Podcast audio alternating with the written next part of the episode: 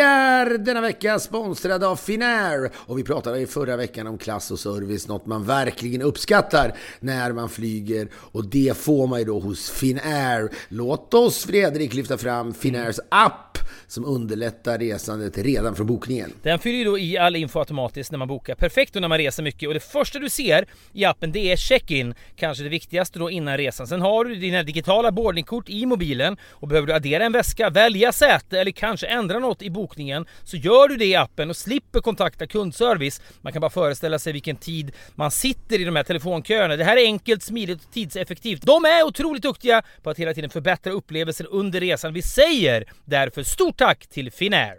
Vi är denna vecka sponsrade av Blocket och låt oss, kan verka lite dystopiskt men tycker ändå det funkar, prata om dödsbädden. Vi kommer ju alla ligga där en dag och reflektera över våra liv och vi kommer då ångra många saker. Eh, bland annat att vi inte köpte den där drömbilen som fanns i våra tankar under så många år. Ja, men kanske den där opraktiska sportbilen då som var en dröm från barnsben. Sen blir man vuxen med barn och så får man inte köpa en sån där bil. Men man skulle fan bara ha gjort det så att man inte ångrar det när man ligger där då. För på Blocket finns då bilar för alla med Sveriges största utbud av bilar till salu från privatpersoner som såväl bilhandlare. Gå in på blocket.se slash bilar och köp drömbilen på Blocket. Vänta inte så kan man då bocka av den på dödsbädden i alla fall. Det tackar vi Blocket för. Vi är denna vecka sponsrade av DPJ Workspace. Eh, det är ju din partner då för kontorsmöbler och inredning sedan 1995.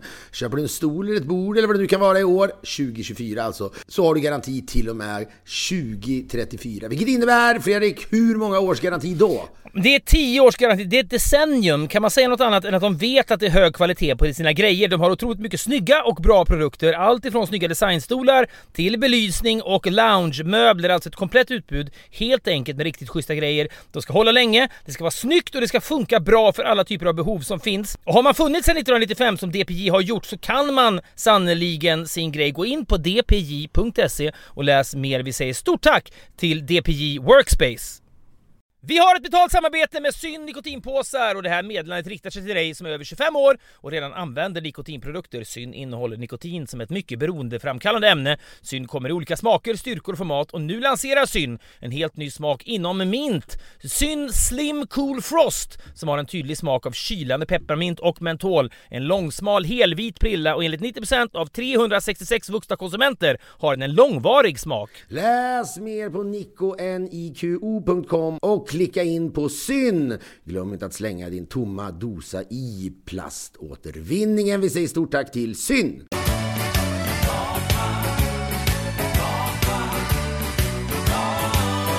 det är podcast.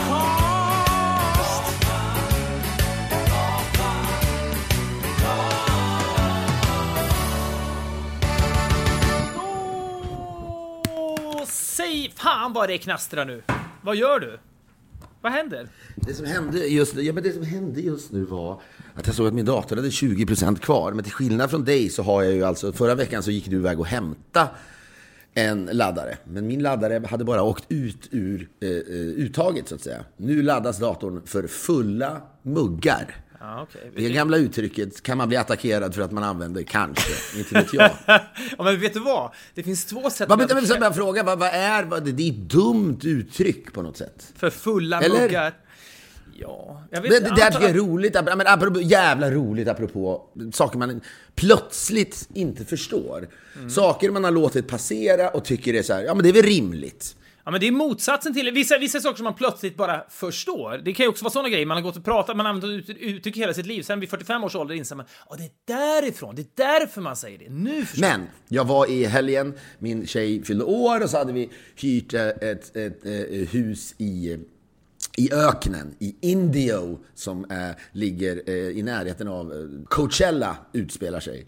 Coachella finns inte längre, kommer kanske aldrig återuppstå. Eller det, man kan, tror jag, om man har köpt biljetter redan så får man inte tillbaka pengarna utan man får uppleva då Coachella en, en online-version av Coachella. Helvete vad dåligt. Allt sånt där är så jävla dåligt. Det är så jävla då ande. Jag, jag förstår att man gör sånt för att Coachella-människorna vill inte betala tillbaka alla pengar och går liksom konkurs.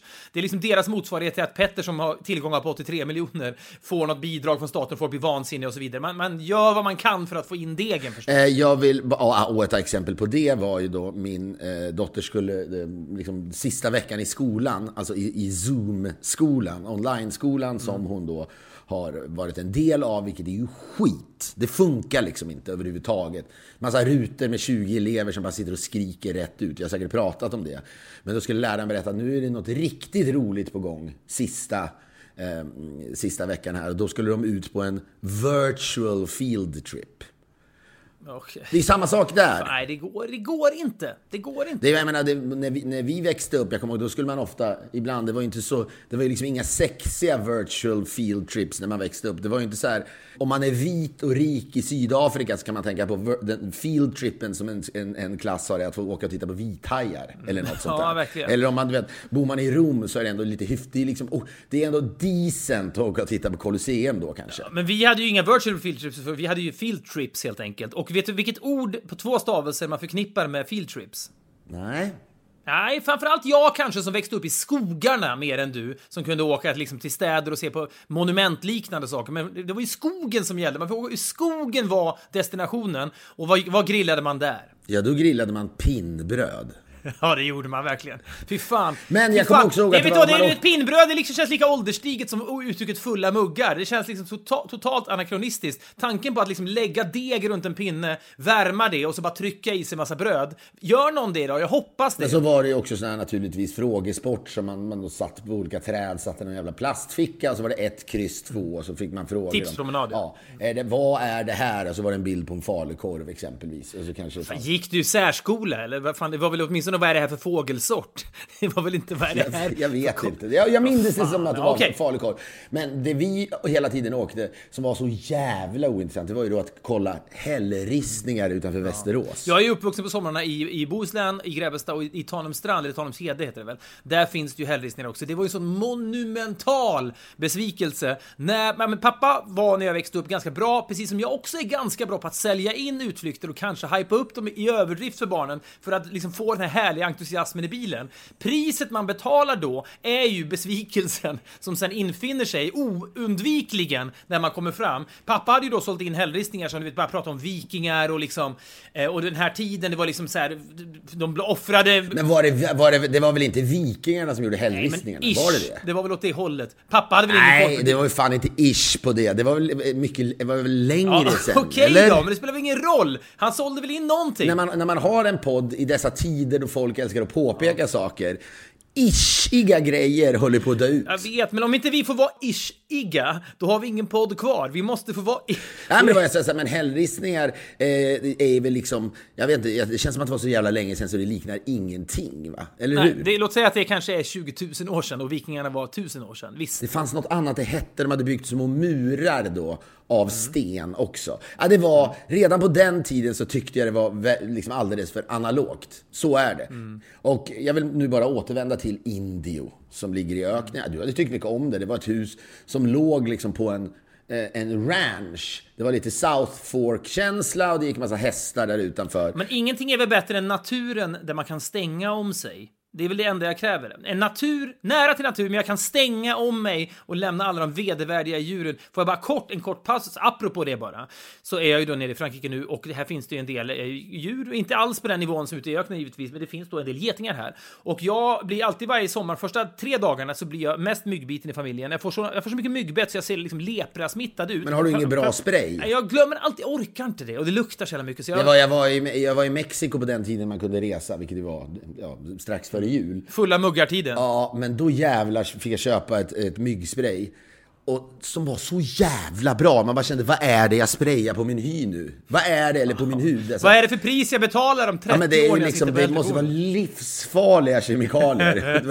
Men, Ja, men det är det jag känner. Antingen är det det, eller så är det något, bla, något jävla socialstyrelsen skit som inte funkar ändå. Sitter man bara där och luktar salubrin typ. Och då, liksom, då, försvinner njutningen med ölen på kvällen. Och om jag inte får den njutningen, då har jag ingenting jag ska ta kvar. med mig hem, jag köpte flera stycken, jag ska ta med mig hem. Det skulle nästan vara roligt att ta, ta den till Sverige och lämna in den på något labb och fråga hur farligt är det här? Man får inte ens slänga det på återvinningscentraler säkert. Men du vet, det är så här, man, man sprayar på sig själv så, så är det så På att man- återvinningscentralen är det så här, oj, oj, oj, den här kan du inte slänga någonstans. Det här får du ta ner till Linköping till något jävla den. laboratorium och slänga liksom. Vi måste... Ja men det går inte, vi, vi kan inte hantera Vet, det den här. Är här ungefär- sprayen måste vi köra ner i en jävla bunker två kilometer under marken. LKAB har en bunker. Ja men det är väl som uran eller någonting va? Det bygger man väl, man, eller man gräver upp långa jävla, eller stora jävla liksom, hundratals meter under, under jordytan så bygger man. Där förvarar man Filip Hammars myggspray. Ja men du vet, man ska vara, det ska vara så starkt så det fräter bort lite. Man går ner i vikt av att spraya det på sig för att det fräter bort så mycket från huden. Då funkar det! Annars är det liksom ingen idé. Men jag blir väldigt myggbiten varje år och jag ser för jävligt ut. Mina barn retar mig för detta för det, de blir liksom, jag jag ser liksom leprasmittad ut som sagt. Men plötsligt då sker någonting för två dagar sedan när jag är ute och håller på med någonting och det flyger förbi en geting och den, jag fattar inte vad som händer. Den sätter sig inte på mig. Den flyger förbi, den nuddar mig och det gör så jävla ont. Jag tänkte, vad fan, vad hände där egentligen? Kan väl inte ha stuckit mig? Den, den har ju bara nudd, den nuddar mig alltså i en 500 delar kommer den åt mig och jag får, det gör jävligt ont. Skitsamma tänker jag. Sen får jag då ett sånt Du har jävla... också låg smärttröskel. Ja, det har jag. Lägst i Sverige. Absolut, det är helt, det är helt friktionsfritt verkligen. Det är en väldigt låg... Är det, det, är en rolig, det är också en rolig tv-serie. Man ska utse människan med lägst sm- smärttröskel i Sverige. Ja, men Fredrik Wikingsson åker runt för att hitta sin like. Ja, men då får jag, då, då, då, det här är ju då ont ett tag och sen blir det då väldigt svullet och det blir väldigt rött. Och jag tänker att det här kan jag inte riktigt säga till mina barn för att de är inte rädda för getingar än, vilket är liksom ett mirakel. Men skulle de se det här och min reaktion på det, då kommer de att bli rädda för getingar och då kommer sommaren lite grann att förstöras och då kommer de att gömma sig inne. Det går inte. Jag måste alltså hålla tyst om detta. Så kliar det så jävla mycket första natten så att jag på riktigt alltså då inte kan sova. Jag ligger och sliter och vet, man kliar så mycket så att man liksom, man vill liksom, man vill amputera armen för att det kliar så jävla mycket. Men det som då händer är att jag kliar och tjatar så mycket av det här som jag kallar för ett myggbett så att de börjar reta mig för det och tycker pappa, att jag, pappa är en jävla klenis som inte klarar av ett myggbett. Så jag har liksom ett val. Antingen så står jag ut med att mina barn tror på att det är ett myggbett och att de kan få reta mig för det här. Eller så säger jag sanningen, men då kommer de inte vilja, och vä- och vä- kommer de att vägra gå ut. Och sen har de retat mig så jävla länge så det, jag hamnar i någon slags jävla you can't handle the truth-fälla. Jack Nicholson i den här filmen A Few Good Men, va? När, när Tom Cruise-advokaten lockar honom att erkänna att han har beordrat mordet på två jävla soldater. Så skriker han bara you can't handle the truth och så ersätter han, erkänner han alltihopa. Det är, väl, det är väl de sekunderna som bäst ringar in varför Jack Nicholson är en ikonisk skådespelare.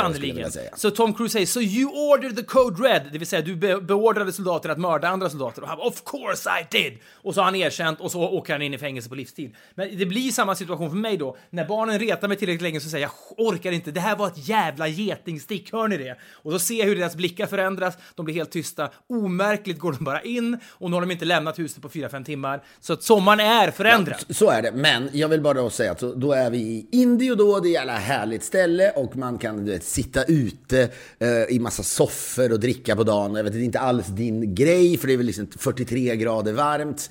Eh, och, eh, Då kan man topp- gå in. Jo men det kan man, men huset var liksom inte lika trevligt. Man vill inte vara där inne.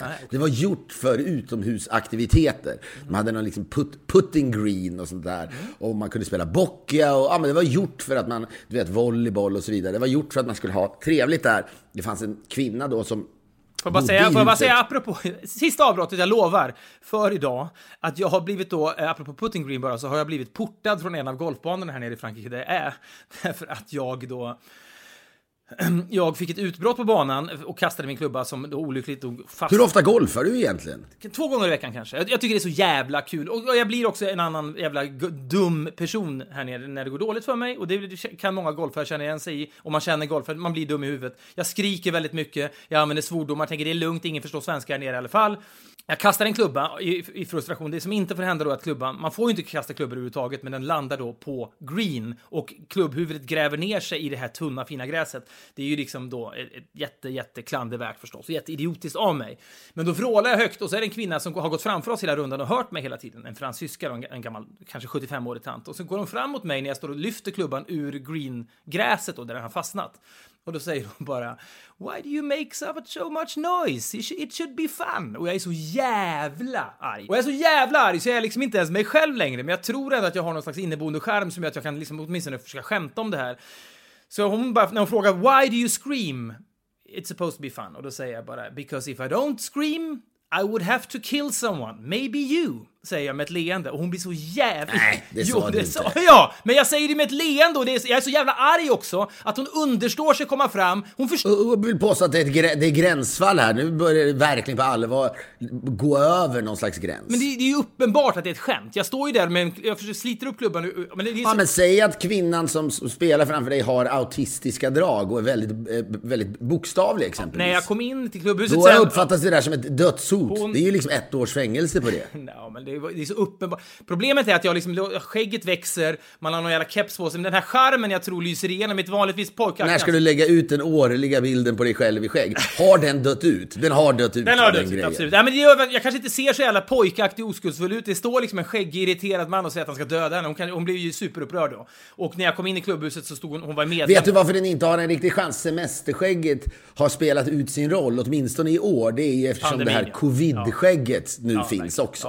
Ja, ja. men jag är medveten om allt detta. Men det, då fick jag då en jävla reprimand av människan som jobbar på klubben. Så de sa maybe you should stay away for a while. Och då är jag så jävla irriterad när jag åker därifrån för att det här också, att det, det är en sån liten grej alltihopa. Och så åker jag därifrån och så ska jag då, en sista protest när jag åker längs en allé med bilen då, någon hyrbil.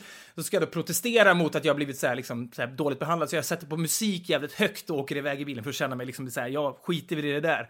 Och sen så är det någon som vinkar åt mig, jag bryr mig inte om det, åker bara vidare och sen stannar jag vid korsningen när allén tar slut. Och då upptäcker jag att anledningen till att de har vinkat är att jag åkte iväg med den manuella handbromsen fortfarande i. Så det har bara låtit så jävla mycket om bilen och det luktar bränt.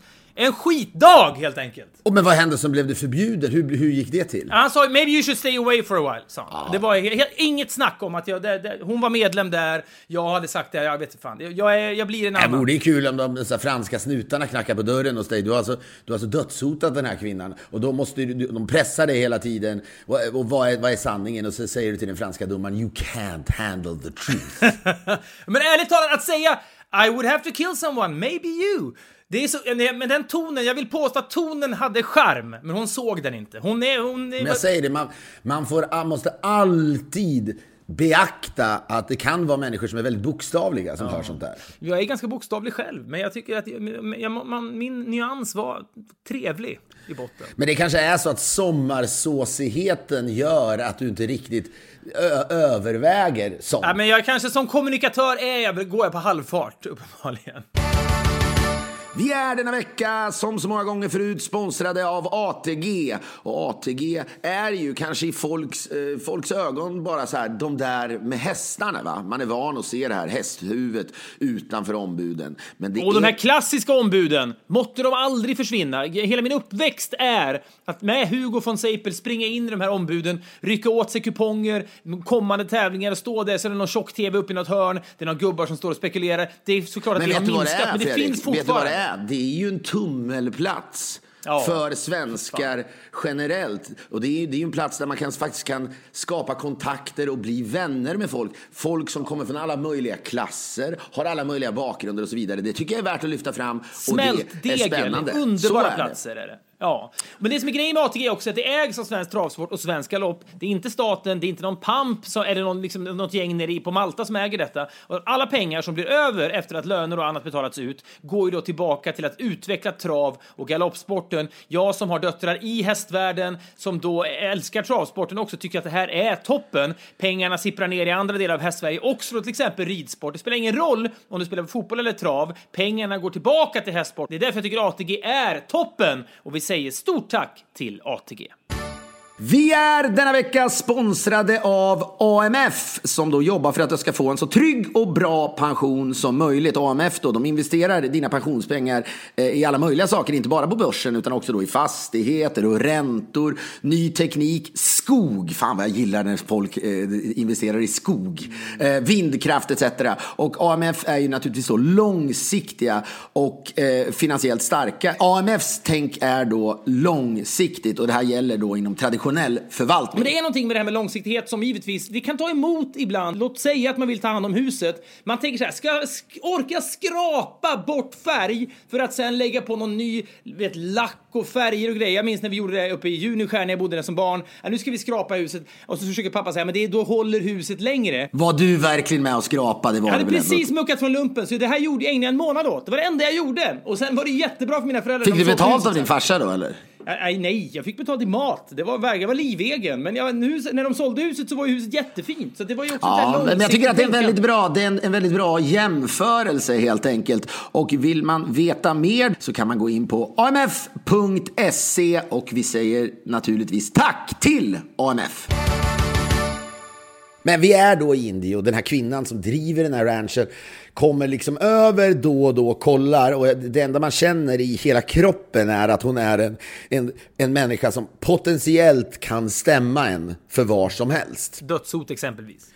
Ja, herregud, men även mindre grejer. Och de här Airbnb, alltså, du vet, man får, det ingår i priset, man får handdukar, man får använda porslinet som finns där. Ja, men bara så jag förklarar till det, det du pratar om här är risken med att man hyr hus av någon annan är förstås att om man då, jag minns när jag hyrde lägenhet av Bengt Mischanek, ett annat namn från Aftonbladet-tiden, du minns honom? Reporter. Gud, han ja. hyrde ut sin lägenhet till mig i alla fall, i den lägenheten han hade i Stockholm, han skulle uppenbarligen vara i Paris längre då. Och då minns jag att jag hade en fest hemma hos mig, det var på denna fest som den där små smålänningen konstaterade att min högtalarplacering var så dålig. Jag återkom ju ständigt till detta. Han stod och tittade på högtalarna. Jag sa, är det något fel på högtalarplaceringen? Jag har noterat den, sa han. Och det var superdist hur jag hade ställt mina högtalare. Det var viktigt för honom att påpeka det. Men på den festen spelade någon rödvin på Bengt Michaneks fina, äkta matta. Och jag var, jag gick liksom helt ner i svart av det där dagen efter. Jag hade på salt, du vet, bubbelvatten och alltihopa. Så det här måste bort. Det gick liksom inte bort. Och jag målade upp bilder i huvudet på att när Bengt Michanek kommer hem, ser det här. Den här mattan kanske kostar 50 000 och det är kanske oersättliga affektionsvärde och så vidare. Han kommer stämma skiten ur mig. Mitt liv är över. Jag lät det bli ett jävla spöke. Vet du varför jag tror att det blir så äkta för mig också? Det här mässade du och jag om i veckan. Vi hade varit i New York och hyrt en lägenhet i sex veckor, apropå det här hyra av någon annan. Människan som har lägenheten säger till du oss... Du må vara en kommunikatör på halvfart just nu, men så att säga trycket och farten i ditt prat är detsamma. Så är det. Ja, men det är, det är, jag är övertygad om att lyssnarna uppskattar detta, denna konstant i tillvaron, att trycket i berättarrösten finns kvar. Men kvinnan som hyrde ut lägenheten till oss då, i sex veckor i New York, vi är då 25-26 år gamla, vi ska bo där i sex år, vi ska, vi ska festa varje kväll, det kommer komma nya människor varje vecka och festa med oss. Hon förstår att det här kommer kunna sluta illa, men det viktigaste hon trycker på är om ni ska använda telefonen måste ni köpa ett telefonkort först. Okej, okay, säger vi. Och vi tänker telefonkort i Sverige, det är ju då man köper, när det fanns telefonkiosker back in the day, då köper man telefonkort för 200 spänn, stoppar i det i telefonautomaten, ringer, tycker ut, ja nu har det gått 13 spänn, nu är 187 spänn kvar och så vidare. Så räknar det där ner. Vi går och köper ett telefonkort i någon jävla tobaksaffär i New York. Det är för typ fem, minsta möjliga, 5 dollar kanske. Går hem, lyfter på luren, det kommer en signal. Vi slår Sverige-nummer, kommer fram. Okej. Okay. Eh, hur vet telefonen om att vi har köpt det här kortet som vi fortfarande inte har packat upp? Vi har inte eh, stoppat in det i telefonen. Ah, skitsamma då, det funkar ju uppenbarligen. Så det här lilla telefonkortet för 5 dollar som man uppenbarligen ska använda genom att slå in en kod. Det här är min kod på det här telefonkortet jag har köpt. Sen börjar det räkna ner och då hade det gått ut på en minut förstås om man hade ringt Sverige. Men vi intellektuellt kunde nog inse att det är så man borde göra. Men bara genom att telefonen funkade när vi lyfte luren utan att vi använde kortet så ringde vi då hem på fyllan i sex veckor på detta 5 dollars kort som om vi på något sätt gjorde rätt för oss, vilket vi aldrig ifrågasatte, men vilket vi borde ha ifrågasatt så att Semestern är över, vi kommer hem, jag åker ut till min lägenhet i Västra skogen där jag inte hade någon glödlampa för det hade jag inte råd med, så jag fick ljuset kom och studsade in från badrummet in i mitt lilla, lilla rum där jag sov. Och då växer mitt i natten av att kvinnan från New York ringer och säger ni har ringt för, låt säga, inte vet jag, 4 000 dollar. Jaha, sa jag, men vi köpte ju telefonkort för 5 dollar. Ja, men ni, ni använder ju inte det. Ni använder ju bara det vanliga telefonabonnemanget. Och jag, okej, okay, I'm really sorry. Are you five years old? skriker hon och jag tänker, hon vet ju inte vad jag, hon vet ju ingenting om mig. Så jag bara långsamt lägger på luren, lägger av luren, så hon inte kan ringa igen. Och sen hörde jag aldrig av henne igen. Jag tror att, och jag blev så uppskakad av detta. Och därför var jag på min vakt kring Bengt Michanek när jag då kanske fyra månader senare hyrde hans lägenhet. Ja, men jag, och jag minns inte om jag pratade om det här, men härom, härom helgen så var jag hemma hos eh, eh, eh några vänner till mig som har köpt ett hus för många, typ 100 miljoner kronor i Bel Air. Mm. Och eh, som du känner till, i ett väldigt lyxigt område. Man åker in genom en liten port Eh, en liten gate mm. är det väl egentligen. Det kanske är samma ord, men gate är något annat än port. Du förstår vad jag menar, eller hur? Det är, ingen jävla ja, port. verkligen. Och så står det Bel Air över, över, över den här gaten då. Åker in dit, jag har med mig den här lilla hunden vi har skaffat, Rugby. Vi ska för övrigt skaffa en hund till nu vad det verkar. Men det kan vi prata om när den hunden kommer. Är du, är du i ett bipolärt skov eller vad man säger? Vi ska skaffa en stor jävla hund. Ja, men du tänk efter nu innan. Du vet att du, du ska också hem och jobba ibland. Ska du flyga med hunden Nej, inte den stora. Den stora får ju vara här. Många, jag har många kompisar som vill ta hand om den här jättehunden. Det säger de alltid Filip att de vill. Det är inte Men det är något de vill det, alltså. annat här, tro mig. Det är inte som att, åh, kan ni komma och bo i min lägenhet på Odenplan? Utan här, det är ju trevligt, man kan vara utomhus och så vidare.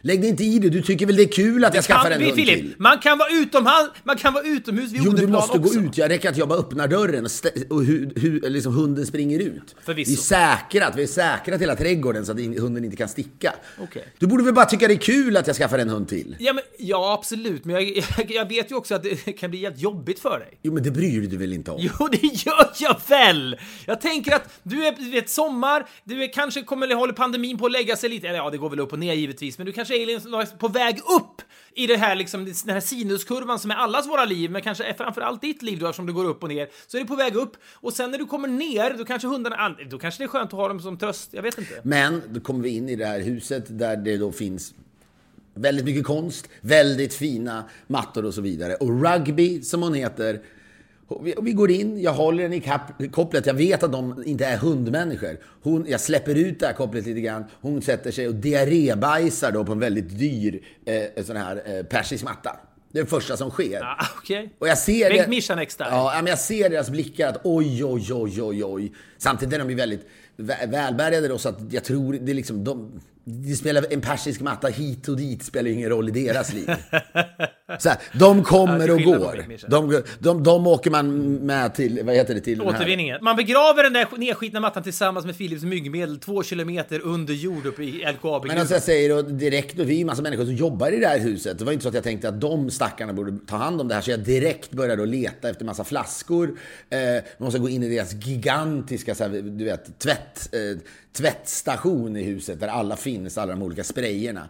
Ja, så jag ligger där på knä och försöker ta bort då det här diarrébajset. Jag tror det gick ganska bra, men kanske för ändå fanns vissa små, små fläckar kvar. Men då är nära vänner till mig så de sa, "Fan, det spelar ingen roll. Kom så går vi och sätter oss och tar ett glas rosé i solen. Livet verkar lätt för de där människorna. Ja, jag menar li- lite diarrébajs här och lite di- diarrébajs där. Kvinnan i Indio, där huset vi hyrde nu, var det motsatta. Jag känner, hon, hon var en vandrande stämning. Ja, Och då stämningsansökan. Är det en människa som ställer liksom sina ming... Hon köper in mingvaser och ställer dem farligt nära kanter i förhoppningen om att någon ska dansa ner en mingvas och sen ska hon då kunna övertrassera då Ja, men jag förstår också att hon- på pengar. Alltså allting ingår i priset och jag antar ju mer dörrarna står öppna i, ett, i, i, i, i en stad eller i ett samhälle där det är 40 grader varmt, desto dyrare blir det att ha på AC'n. Så hon kunde ibland komma springande liksom på 100 meters avstånd, kom, såg hon att någon dörr stod öppen. Please close the doors, close the så, doors. vänta nu, hon hyrde ut huset och så satt hon i praktiken då i skogsbrynet med en kikare och övervakade. Ja, hon var väldigt nära. Hon var väldigt nära. Ja. Och eh, ja, men jag hade lite panik för det hela tiden. Och sen ibland då och då släppte hon fram sina två vita labradorer. De är oftast väldigt snälla. Men de kom över och var lite hotfulla, ska jag Men säga. får jag bara fråga, är, ni, ni känner, ert gäng, jag har ju träffat många av dina amerikanska vänner, det är ett otroligt gäng, du har väldigt fina vänner där borta. Det är också väldigt sensuell, och inte orgiestämning alls, men det finns ändå någon slags liksom sensuell, kanske till och med sexuell stämning bland de här människorna. Känns inte det liksom lite så här 80-procentigt då om man hyr ett fint hus i öknen och tänker nu ska vi släppa loss riktigt här, några ska ligga, men du vet så här, och så finns det en kvinna som springer och snokar hela tiden. ska säga så två gånger när jag öppnade dörrarna inne i huset så var det verkligen folk som hade sex när jag öppnade dörrarna. Oj, ursäkta mig, ursäkta mig. men det är det, det är en knullig, knulligt Ja, gäng. skitsamma, men då eh, släpper de fram med hundarna. Den ena hunden då försökte attackera eh, lilla Rugby. Och, ja, det var inte kul naturligtvis. Eh, sen så hade vi gjort i ordning lite nachos med eh, du vet, ost på. Jag tänkte på dig direkt och tänkte gud vad du älskar sånt här. Att sitta, ta en kall öl och sen så är det massa smält ost på nachos som kommer in på bordet. Det finns, det finns inget godare. Nej, det är väldigt trevligt. Inget är godare. Ja, men då springer den här labradoren runt och tigger. Jag vet att du hade hatat det. Du, du hade känt att all den här avslappningen som, som du, du annars hade upplevt utan labradorerna, den lyste med sin frånvaro. Men grejen med när jag sitter i de där situationerna, då hade jag ju klarat mig, för jag hade ju suttit precis innanför ett par glasdörrar i det airconditioning tempererade rummet, sett er genom glas, kunnat prata med er, men inte utsätta mig själv för några myggor överhuvudtaget och därmed också kommit undan Ja, labradorerna. och hon kommer ju då, eh, bland annat så sa hon, ja men hundarna finns här då för att det är så mycket skallerormar i området. Ni ska vara glada för att de finns här. De, de hugger de där jävla ormarna lite grann. Bara vetskapen om att det finns skallerormar i området skulle väl gjort dig lite osäker också, naturligtvis. Me- jag tycker det är jobbigare med getingar. Okej, men i alla fall, då, sen går den här, då, den här hunden bara hovrar runt den här stora tallriken med eh, ost och eh, nachos på. Och den har en stor jävla svans. Och plötsligt bara slår svansen till den här, den här tallriken. Och all nachos ramlar ner på backen och tallriken går i, vad det man brukar säga, tusen bitar. Tusen bitar. För, för fulla Ja, muggar. men då var det några där som blev vansinniga för att den här labradoren först hade försökt attackera min hund och sen en annan hund som var med också. Men då är min första reaktion, och det är väl ett tecken på att man bor i ett land där stämningar är så vanliga. Jag sa nej, nej, nej, nej, nej. Folk var på väg att gå över dit. Så sa jag, nej, men vi får nog leva med att de här hundarna kommer, de hundarna här kommer hovra runt oss under den här vistelsen. För att det är de facto så att hon säger ja, hunden försökte eh, hugga min hund samt en tallrik gick sönder. Då skulle hon hitta något annat som var mycket värre och så skulle man då som ett brev på posten få en stämningsansökan. Så jag sa låt oss bara vara tysta kring det. Säg att jag får betala 60 kronor extra för att en tallrik har gått sönder. Skitsamma. Jag kan inte gå bort dit och säga hon försökte äta upp min lilla, min lilla hund. Så att hon, det är bara någonting jävla obehagligt i hela situationen och man måste, man måste spela ut hela sitt manipulativa register gentemot henne. Det som jag trodde jag gjorde på golfbanan, men det är uppenbarligen misslyckades. Ja, men det, tvärtom. Jag skulle, skulle jag säga till henne, jag kanske måste döda dig, så att säga, då, då hade det varit kört för mig, naturligtvis. Det är hästar och man gick runt där också och då gick rugby lite lös och då kom man ju också ut skrikande. Vill du att din, din hund ska sparkas ihjäl av hästarna? Det tror jag i och för sig du hade gillat. Det var någon Arabian travhästar hon födde upp. Är det fina hästar? Kan inte stämma till travhästar. Arabian är nästan alltid fullblod, det är väl alltid galopp nästan. Måste jag ändå säga. Ja, det kanske var, jag kanske missuppfattade. Jag kanske missuppfattade. Men det är också roligt apropå smärttröskel då, de som jobbade där. Jag var lite rädd för det var någon häst som drog öronen bakåt och då fick jag höra att det betyder att hästen inte tycker det är så trevligt att jag står vid hästen. Stämmer det? Ja, det stämmer. Åh, fy fan vad hemskt det är när de gör det. Och så blottar de framtänderna lite grann. Fy fan. Ja, det gjorde den och då stod det en kille som jobbade där. Det är klart att hon hade då mexikanska människor som jobbade där. Som stod och skrattade åt mig när det här skedde. skedde. Då frågade jag, well do you get kicked a lot? Every day, every day, sa han den här. Och jag har inte den avslappningen alls i min personlighet. Så jag sprang tillbaka.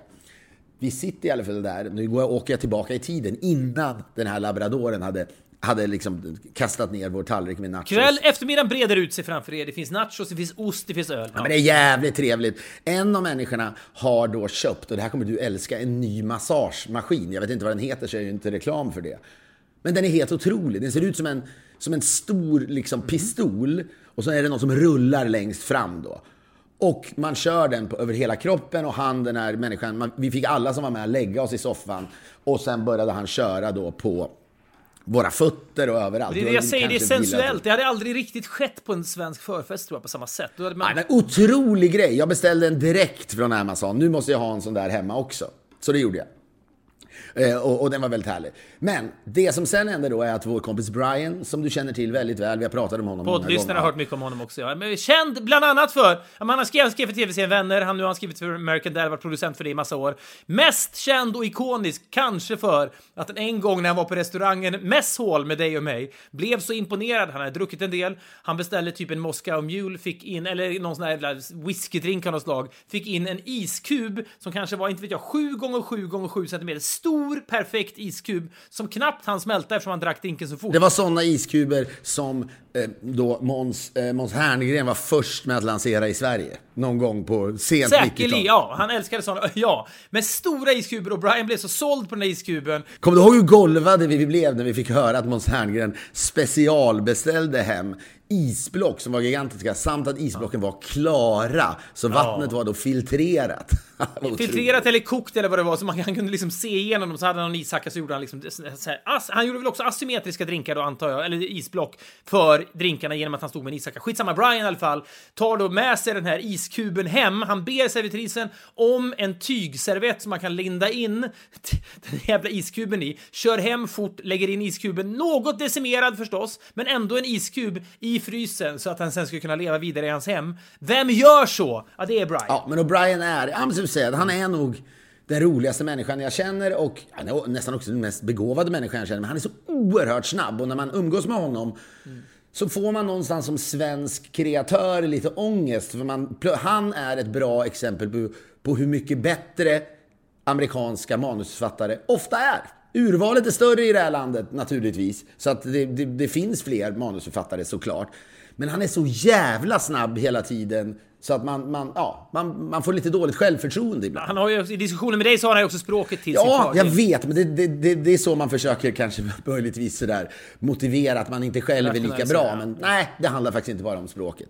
Men det här är ett exempel på Ah, han är snabb här, men det är inte riktigt det. Men jo, men det är att observationen är så jävla bra, kan jag tänka. Det är en observation som var för bra för att den skulle kunna varit med i programmet Knesset när det slog igenom på, på ZTV. När då Christian Loks första TV-program, jag minns det som oerhört bra. Det var säkert det. Men då satt väl första säsongen, tror jag kanske, Eva Röse, Sofia Wistam, Olle Ljungström va, om jag inte minns fel, och Ville Crafoord. De satt. Och så var det väl observationer, det var någon slags Ja, det var ju någon poddgrej det där egentligen. Så satt de i en soffa. På ett som var sätt kan man säga, vad är grejen med att man tappar bort en socka i tvättmaskinen? Ja, men det som var liksom unikt var väl att de pratade om, det var ju helt revolutionerande, de pratade om vardagliga ting va. Ja, man kan väl också säga att det var ju fyra år tidigare så var ju det som gjorde tv-serien Seinfeld ganska ny också. Att nu pratar vi om nonsens så att säga och så blir det underhållning. Så att Jo, men det här var ju en annan först- form. Det här Ja. var ju inte drama, så att Nej, säga, skrivet eller, eller humor. Ja. Men det, det var... Det var groundbreaking. Ryan gjorde, tycker jag var en, en observation som jag tror var lite för bra för Knesset. Fan vad du höjer ribban nu, det är spännande. Jag har Ja, ingen men, aning ja, men jag vet inte, det är inte jättekul, men jag blev så jävla... Apropå det vi sa i början, att jag använde uttrycket då fulla muggar och att man aldrig ifrågasätter hur liksom briljansen i ett uttryck innan man använder det. Är det här tillräckligt bra för att använda? Det slinker ja, med. men det kanske det är. Ja, men fulla muggar är dåligt då. Men så eh, serveras då iskall Dos Equis. Vad är Dos Equis sa du? Det är alltså... Ja, men det är den jag tror att det är en mexikansk öl, eller så är det en öl som vill...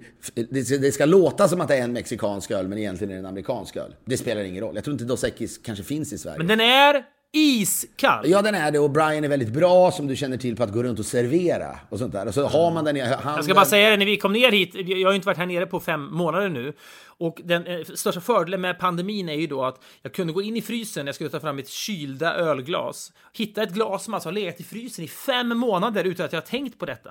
Så det, det, du vet, jag vet att det i praktiken inte... Hällristningsläge på det glaset. Ja, totalt! Jag vet att i praktiken... Nu ska vi säga till din dotter, nu är det dags för en utflykt till pappas, till pappas frys. Ja. Så ska ni få se något som är riktigt gammalt. Jag vet att i praktiken, kära dotter, är det här glaset lika kallt som om det har legat där i ett dygn. Men bara tanken på att glaset har legat stilla i frysen i fem månader, när jag nu tar ut det och det kommer imma sig, så kommer den imman att betyda mer än om det bara legat där över natten. Och när jag sen häller i ölen och ölen studsar mot de här iskalla väggarna, då kommer storverk att skapas och snart ska skiten ner i strupen! Så är det. Ja, men jag förstår den känslan. Men Brian är också väldigt bra på att om man har då, om det kommer Dos Equis och sen så har han med sig även en skål lime och så börjar man dricka innan man har tagit en limeskiva. Då är han, du vet, oh, stopp, stopp! Och sen ska han då... Han är viktig med njutandet, vilket också den här iskuben skvallrar om. Ja, han vill också att man ska ha runt ölen eller i glaset som naturligtvis är kylt så ska man ha du vet, en, en runt hela kanten ska den kanten då doppas i någon slags mexikanskt salt som bland annat innehåller några då insekter.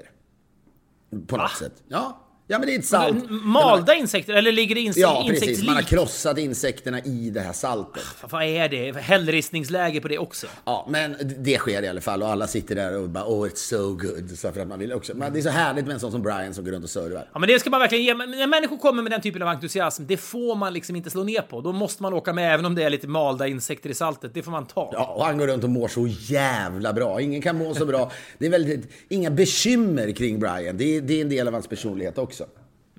Men så slår vi oss ner och så börjar vi dricka lite Dos Equis och så bör, någon annan börjar prata om något så säger Brian liksom wait, wait, wait. Och så börjar han prata om då reklamfilmen som gjordes för några år sedan eh, eh, om Dos Equis. Och det var väl liksom så här Den kanske kom precis, den, den var het och sen kom den här Old Spice-reklamen som du kanske kommer ihåg med någon kille som var gud, väldigt ja. speciell.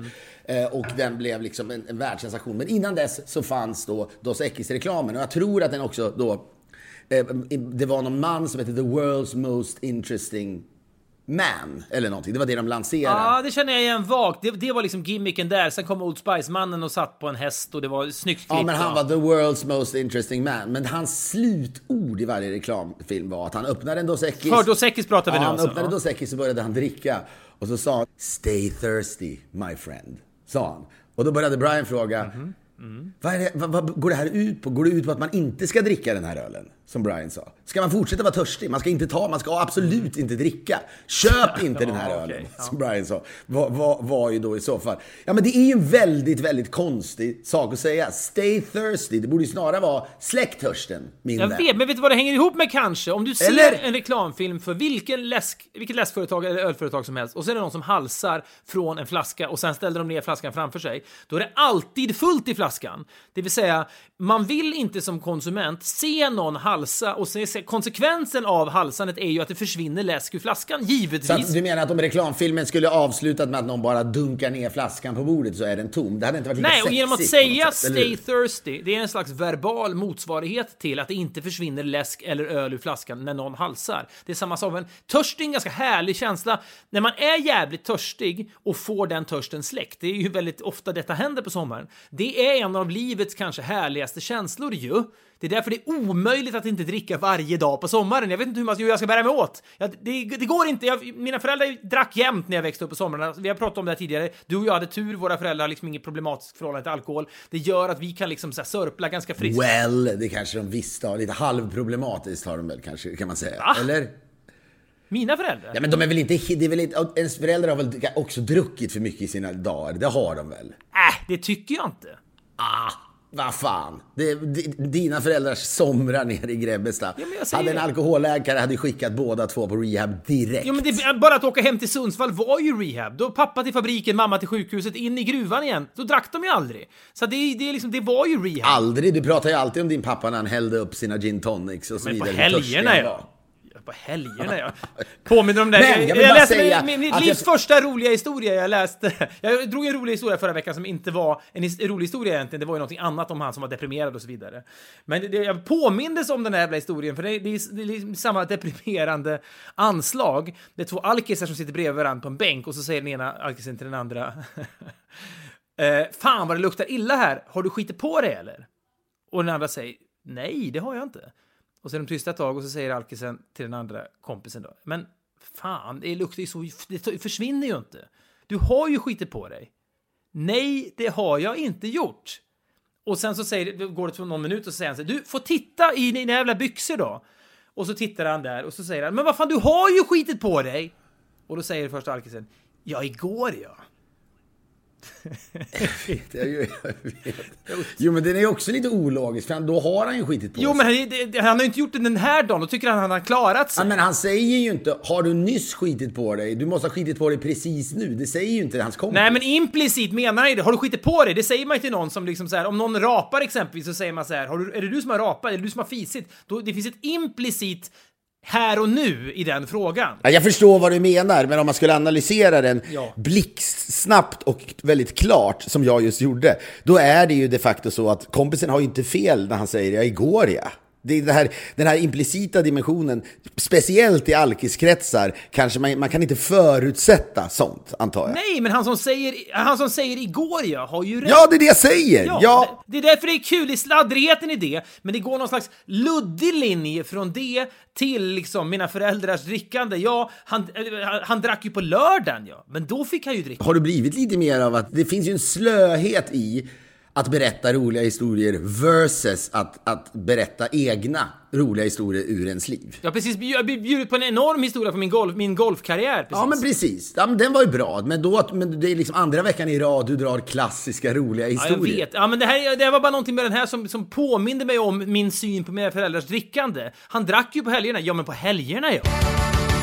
Vi är denna vecka sponsrade av våra vänner på Asket. Och nu finns det lite sommar-essentials, om man ska använda det ordet. Alltså sommargrejer som är ikoniska. Det finns t-shirts, det finns en piké vi har pratat om tidigare. Det finns en cotton sweater som naturligtvis inte är så varm. Den är perfekt för en ljummen kväll. Och så finns ju naturligtvis linneskjortan och, det här tycker jag är intressant Fredrik, shorts. Jag måste säga, jag tycker om dig på många sätt. Jag tycker att du klär dig bra höst, vinter och tidig vår. Mm. Men på sommaren är du ju en fågelskrämma traditionellt. Ja, men jag får mycket kritik för, för detta på hemmaplan, inte minst av min fru. Som faktiskt i åratal har bett mig att göra någonting åt min shortssituation. Jag har också väldigt långa ben, så att, att köpa shorts är inte lätt för mig. Jag ser ju anskrämlig ut i nästan vad jag än har på mig. Jag tog mitt ansvar för några veckor sedan och köpte ett par shorts från Asket. Jag har på mig dem nu. Semestern känns lite räddad. Får jag ställa en fråga till? Är det så nu att din fru går runt, där ni befinner er, eh, i, nu befinner ni er väl i Frankrike, går hon runt och liksom sneglar på dig och tycker att du är sexig helt plötsligt? Jag låter det vara osagt, men jag, hon, hon, står ut med mig. Det är, jag, mycket mer än så kräver jag inte. Och jag älskar de här jävla kläderna också. Allt det vi säger om asket, återigen, vecka ut och vecka in, det betyder ingenting ja, det här med hållbarhet och alltihop, om det inte också är snygga grejer. Och allt Asket gör är ta mig fan assnyggt. Gå in på asket.com, A-S-K-E-T.com. Det finns massor med praktiska råd också hur man då, exempelvis förlänger livet på plaggen. Det är ju tärande på sommaren, det är liksom salta vindar, det är hudkrämer och skit som kommer som liksom förpestar plaggen. Där finns det massa råd. De här shortsen kommer jag ha på mig hela jävla sommaren. Jag är lycklig för detta. Gå in på asket.com som sagt. Vi säger stort tack till Asket. Jag minns inga roliga historier, men var inte roliga historier när de var som störst. Och det var de ju under många, många decennier. fanns ju ett tv-program som hette Har du hört den förut? Ja. Som, det var någon slags Norra Brunn stå-upp-grej. Men det var människor som berättade korta, snabba historier och de var ju liksom bara roliga historier. Ja, de stod på en pub i Sundsvall, jag tror det var TV Sundsvall, som SVT Sundsvall som producerade detta, Evert Ljusberg. Och vad hette hon nu då? Det, ja, du ser. Men det var väl hans program? Hette hon Aina? Nej. Wikipedia. Mm.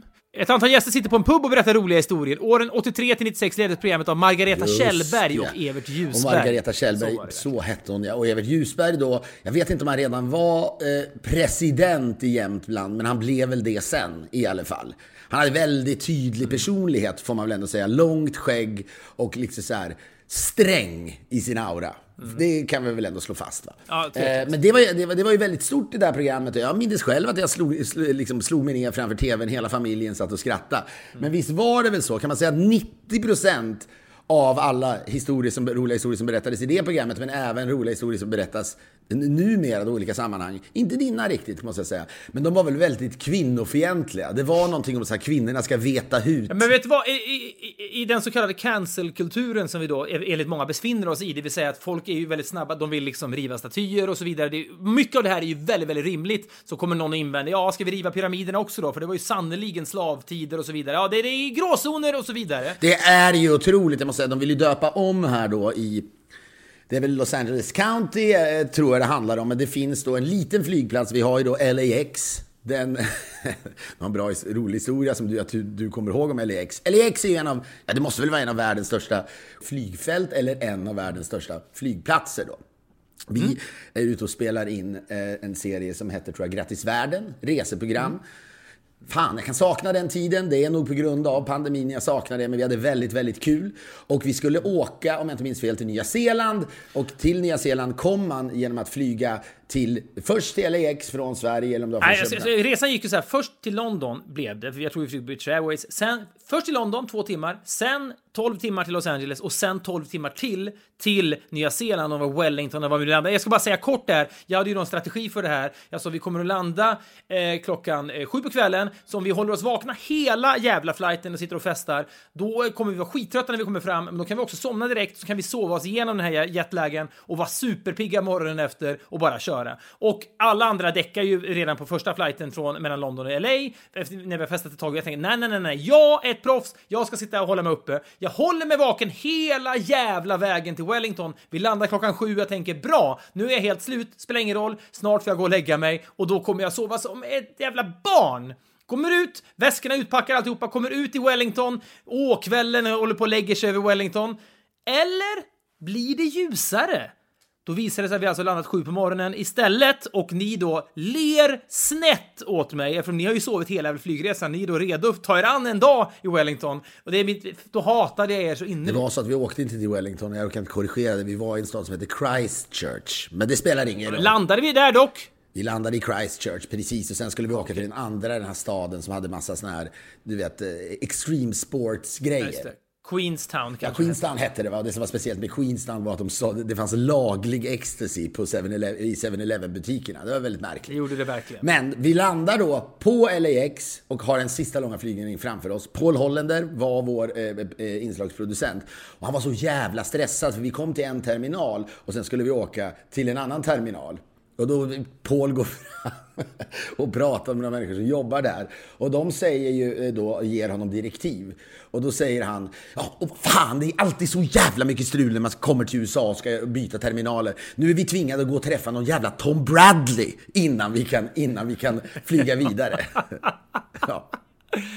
Ja, och det är jättekul för mig som har varit på LAX flera gånger. Har man varit där så kanske man förstår vad som är komiskt med detta. Och poängen är väl då att en av terminalerna heter The Tom Bradley International Terminal. ja, precis. The Tom, the Tom Bradley International Terminal. Och det, alltså Paul var ju så stressad, han tog inte in det, men han trodde att vi, vi då, för att vi bara skulle göra ett vanligt byte, så trodde han att vi var tvungna att åka och träffa en specifik person. Det var liksom hundratals människor som skulle förflytta sig i den här terminalen, men Paul trodde att alla skulle träffa en kille som hette Tom Ja, Bradley. men de männen och just de människorna som han pratar med så säger well you gotta head over to Tom Bradley och så tänker han att ni måste gå och träffa herr Tom Bradley så ska han cleara det här med en stor stämpel. Ja. Man har aldrig varit med om det på flygplatser utan ofta så kan man då bara träffa personalen från ett flygbolag för att få nya boardingkort Ja, men någonting. det de kan säga åt Paul, när han, det han kan mötas av är you gotta head over to the customs office eller du du måste gå över till det där kontoret eller den där avdelningen.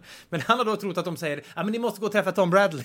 Som någon slags sagoväsen man söker upp, som att möta The Oracle i filmen The Matrix. Men jag vill bara säga att det finns då i, eh, i eh, LA så finns en mindre flygplats som heter The Join, eh, John Wayne Airport.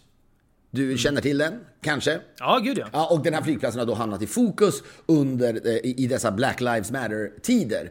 Och ja, ofta så tänker man, exakt som du tänker, ska man riva Ska man riva vad heter det, pyramider? Alltså det, det, det är svårt, det är en balansgång det här. Men tanken med John Wayne är förstås då att han i massa jävla cowboyfilmer då dödar indianer till höger, eller som då hette indianer till höger och vänster. Och det, det, vad är det, vad är det att liksom ikonisera? Eller? Nej, Var tvärtom. han rasist också? han, det var ju det då att, eh, så här, var han, var, han var rasist säger alla och då tänker man ändå, ja men var han det? För jag, men så här, jag är egentligen pro, måste jag säga, att lyfta bort många grejer. Alltså, tänk alla dessa statyer i USA som finns bland annat i södern Ja, som ja, ja. hyllar då massa rasister. Det är fullständigt rimligt. Så här, staty, vem fan bryr sig om statyer, tänker jag ofta. Riv dem bara, skitsamma. Det Lägg dem i, under LKAB två kilometer ner. Där kan de väl förvara? men det är väl, det är väl liksom Karl XII-statyn vid, vid, vid slottet där i eh, eh, Stockholm också. Där då Nordiska motståndsrörelsen och alla andra typer av eh, VAMK var det något, vi, det var inte något som hette det i Sverige en gång i tiden. Men det, det, det är massa olika då rasistorganisationer eh, eh och så vidare som gör de här statyerna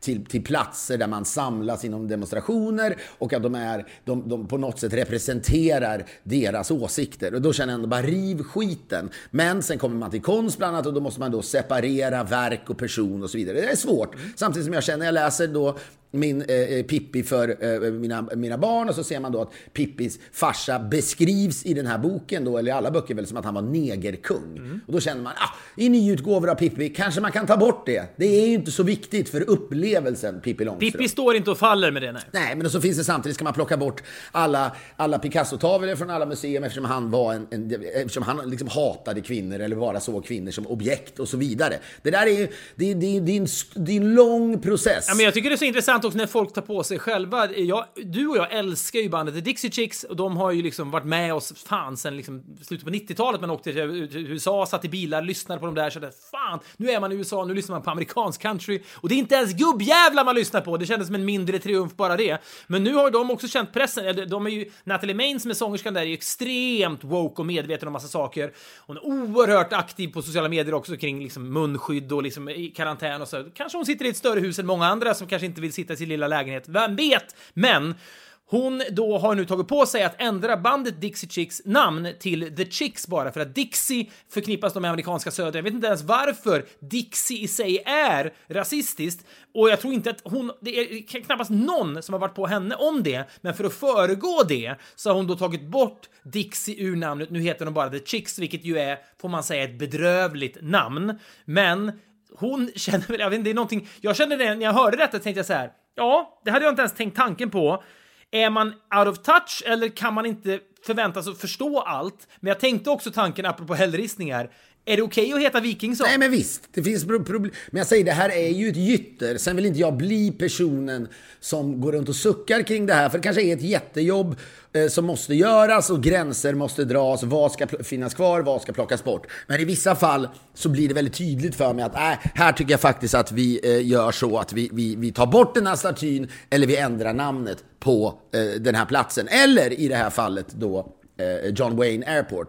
För exakt som du sa, man tänkte direkt, ja han spelar i massa, i massa då, eh, cowboyfilmer och i de här cowboyfilmerna så den amerikanska då urbefolkningen behandlas ju som skit och framställs som, som idioter ju i många av hans filmer. Sen kan man, var han, hur rasistisk var han då? Var det bara så att han var med i filmerna? Så började jag googla så finns det då en Playboy-intervju som gjordes med honom. Jag vet inte om det kan ha gjorts 73, kan det stämma? 71 kanske? Jag vet inte, någon gång där. Där han faktiskt säger, och nu citerar jag för jag skrev ner det här. Han säger då I believe in white supremacy. We can't all of a sudden get down on our knees and turn everything over to the leadership of the blacks.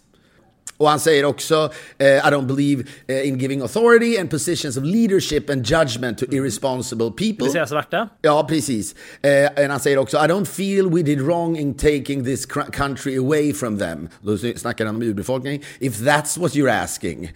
our so-called stealing of this country from them was just a matter of survival. There was great numbers of people who needed new land and the Indians were selfishly trying to keep it for themselves. Fy fan! Dessa, fy fan, då sitter han med en drink i handen, John Wayne, 71, han har gjort mycket filmer. Livet är ganska, han har inte så många år kvar att leva förvisso, han dog 76 tror jag eller något sånt där. Men han sitter liksom tillbaka lutad på någon porch någonstans med en drink i handen och tycker, när han ser tillbaka på indi, indianerna då, så de, de var själviska som ville behålla det som var deras. Ja. Han säger också att det är otroligt det här. I don't feel guilty about the fact fact that five or ten generation, uh, generations ago, those people were slaves. Now, I'm not condoning slavery. It's just a fact of life. Like the kid who gets infantile paralysis and has to wear braces so he can't play football with the rest of us. Det här kom han undan med. Han kom undan med det här 1971. Ja. och nu är det då snack om att man kanske skulle byta namn på den här eh, flygplatsen så att den inte ska heta John Wayne Airport mm. längre. Och där tycker jag ändå ett lysande exempel på, ja, nu jävlar, nu byter vi namn på den här flygplatsen. Kan du hålla med om det? Ja, verkligen. Tom Bradley då, vad har vi på honom? Nej, jag vet inte. Då börjar man kanske liksom kolla upp honom så kanske det är skit ja, men skulle, där också. Skulle man liksom skärskåda, gå, gå in på Öppet arkiv och se alla de här, liksom, har du hört den förut, historierna från liksom 1983 och framåt, då skulle liksom Evert Ljusbäck, hela Jämtland skulle Ja, men och, och överlag, det är som jag säger, det är ett jättejobb. Den som blir ansvarig i varje land för att, så att säga, granska vad som ska ryckas eh, har ju ett stort jobb framför sig. Det handlar ju även om, om uttryck, vad ska man säga och så vidare. Jag tror så här att det är ju nytt viktigt att den här processen startar, eh, startar eftersom då måste vi alla börja tänka på sånt här. Sen kommer inte allt kunna ja. försvinna, allt kommer inte kunna tas bort, givetvis. För det är liksom för stort och det kommer bli massa märkliga gränsdragningar. Men det är ändå, det är, ibland så slår det en bara helvete. 1971. Den amerikanska själviska ursprungsbefolkningen. De sitter, de har liksom inte vet jag, två fotbollsplaner i, i någon liten by som, i hela den här enorma kontinenten så kommer the white man och säger det här ska vi också ha. Jo, men det finns ju så mycket andra fotbollsplaners stora liksom, ytor runt omkring här som ni kan ta. Ah, vi har redan tagit det, vi vill ha det här också. Behåller ni det för er själva, ja då är ni själviska. Ja, men och, och då att, att den då sen blev skapad utan några eh, eh, som helst problem. Jag tror att detta också skedde då. Ja, det skedde. Den was renamed 1979 till den hette Orange County Airport men blev då om, eh, man ändrade namn till John Wayne Airport 79, alltså åtta år efter, efter intervjun. Det är ju ändå det är mindblowing på alla sätt och vis måste jag säga. Hur fan är det möjligt att det här sker? Och det är bara byt namnet på den där grejen. Och jag tänker att allt sånt där, man påminns om att jag går in och googlar då John Wayne eh, Playboy-intervju. Och så ser man det här. Man skrattar nästan till för att det är så absurt. Eller man skrattar verkligen till för att det är så absurt. Och i det fallet så är det ju då rimligt. Men apropå då har du hört den förut, som är, som jag säger, det känns som att hela den traditionen är väldigt mycket och kvinnorna ska veta hut och stå i köket och göra sitt, ska göra görat, så att säga. Och männen får göra vad de vill. Ja, men egentligen om man ska vara stenhård mot liksom, slängde i brunnen kom ju i slutet på 80-talet och såg som någon slags efterträdare. Okej, okay, roliga historier är över. Nu är det stand-up som gäller. Här kommer Lenny Norman och, och ett gäng människor, glada gamänger, Ronny Eriksson och så här. Nu ska, nu ska de dra stand-up. Det är något helt annat. Mm, egentligen är det som skedde på den där scenen på Norra Brunn, det är ju exakt samma sak. Det är bara förklätt till en annan konst konstform. Och det svagheten med stand-up och svagheten med roliga historier är för att de där grejerna ska funka på så liten yta så måste man då bekräfta fördomar och, och hamra in sånt som folk redan vet. Annars blir det för konstigt och då fattar man ju inte skämtet. Men så är det. Och jag vill då, apropå detta, du skickade till mig, vi fick reda på förra veckan att du läste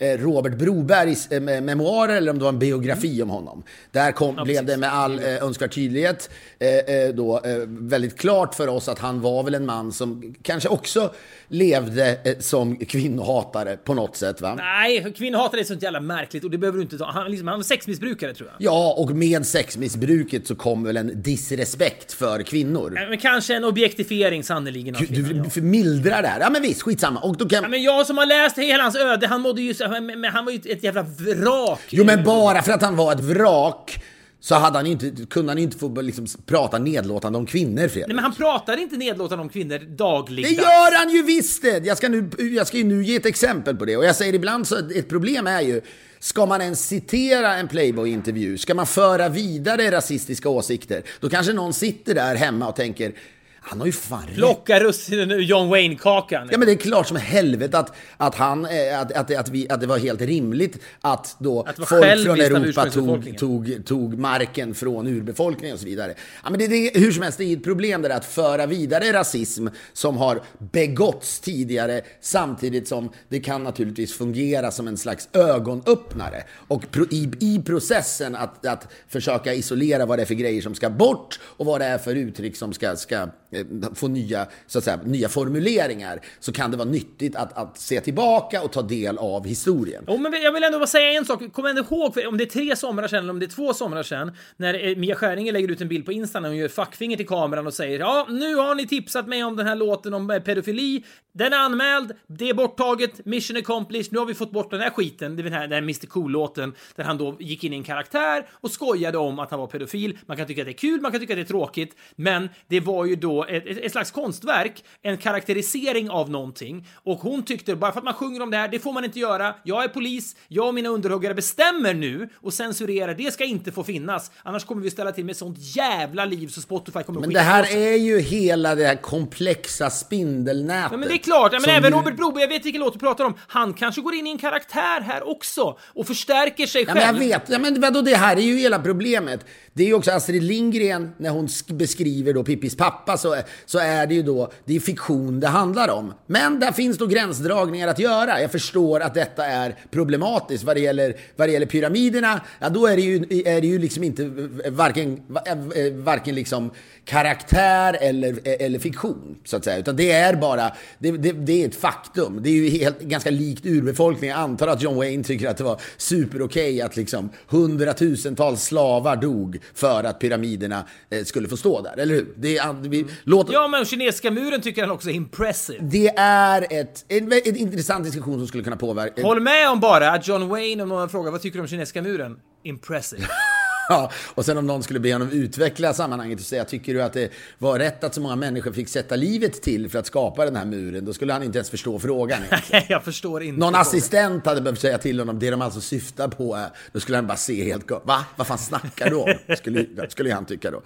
Men, det som var fascinerande var att jag gillar ju när du, jag får ju alltid ta del av det du konsumerar i form av biografier. Vilket är härligt, du skickar skärmdumpar och så vidare, jag tycker det är underbart.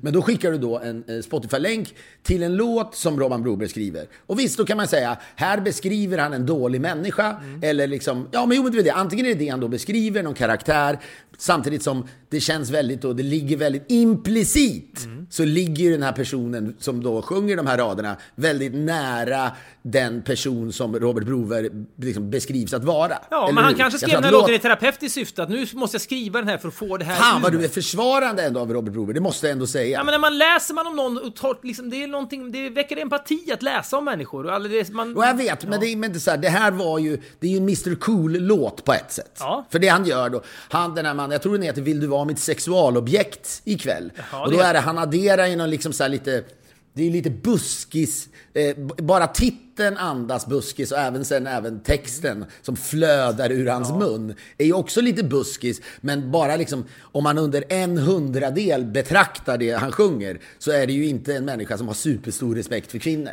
Så är det. Nej, nej, men det beror på... Fan, det är, fan det, du är smartare än så. Du förstår, han kan ju också göra det här till en slags karikatyr av den här typen av råraggare han själv är. Ja men det kan verkligen vara så. Men det är inte så att du och jag står på liksom olika planhalvor här. Jag men det det jag har slagit fast på att det är komplicerat. Och när jag läste då John Wayne-intervjun från 78 71 så golvas jag av, fan, vad, vad, det är verkligen inte länge sedan folk kunde uttrycka sig på sätt som man fan inte ens liksom, kunde fantisera ihop att de uttryckte sig på 1971. Saker och ting har förändrats, men det är nyttigt att se det här. Men jag, jag, jag får den här länken av och så lyssnar jag på den i bilen med mina barn, sitter i baksätet. Okej, ja.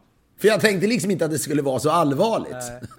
För den här låten, jag då tar beslutet nu. Det exekutiva beslutet att jag känner, ah, vet du vad vi gör? Vi spelar den här för att det här är så att säga Sveriges John Wayne på något sätt. ja, kanske är det det. Det känns... Ja, men jag var ändå så här, han är ju känd för så här båtsången och vad är det för låtar han är mer känd? Uppblåsbara Barbara. vatten. Ja, men du vet. Ja, men fin. uppblåsbara Barbara, det handlar ju då om en knulldocka väl, antar jag? Och ensamhet. Det handlar också om Vi ensamhet. kommer ju aldrig ta det så långt så att en knulldocka är ett offer, antar jag.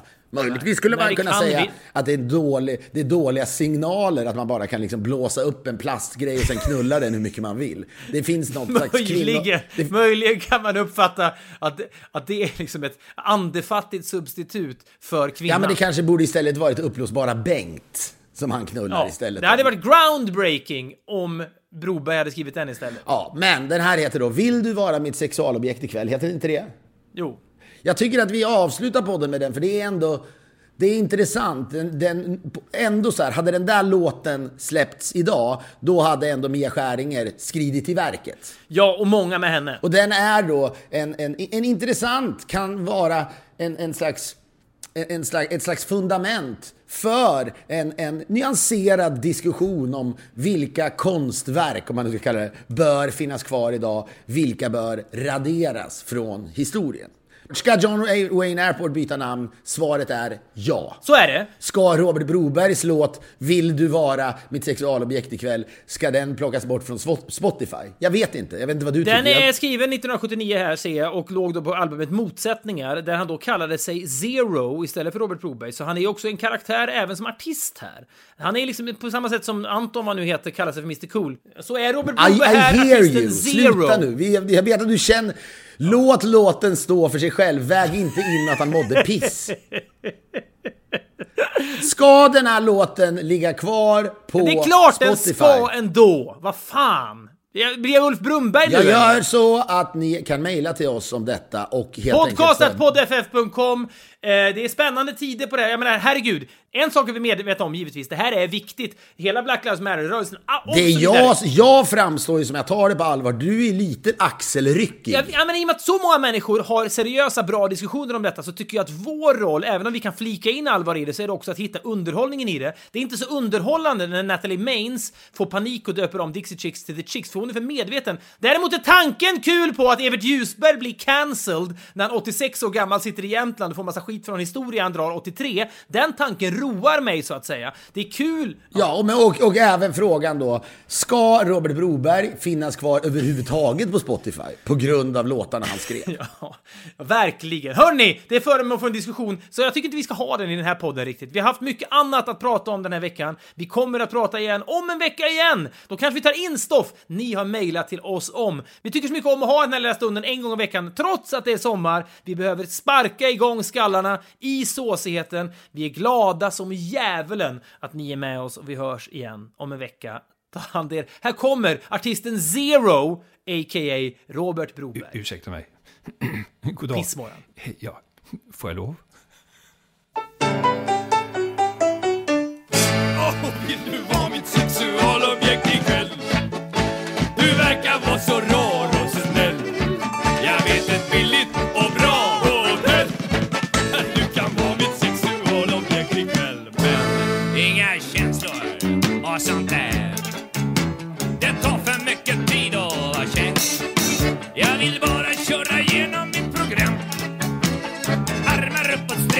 bak och fram. Ah, vill du ha mitt sexualobjekt ikväll? Jag har lärt mig två nya ställningar. En vertikal och en horisontell. Så vill du ha mitt sexualobjekt ikväll? Men ingen larvig romantik. För det höll inte ihop med erotik. Nej, nu handlar det bara om teknik. Ungefär som gymnastik. Vill du vara mitt sexualobjekt?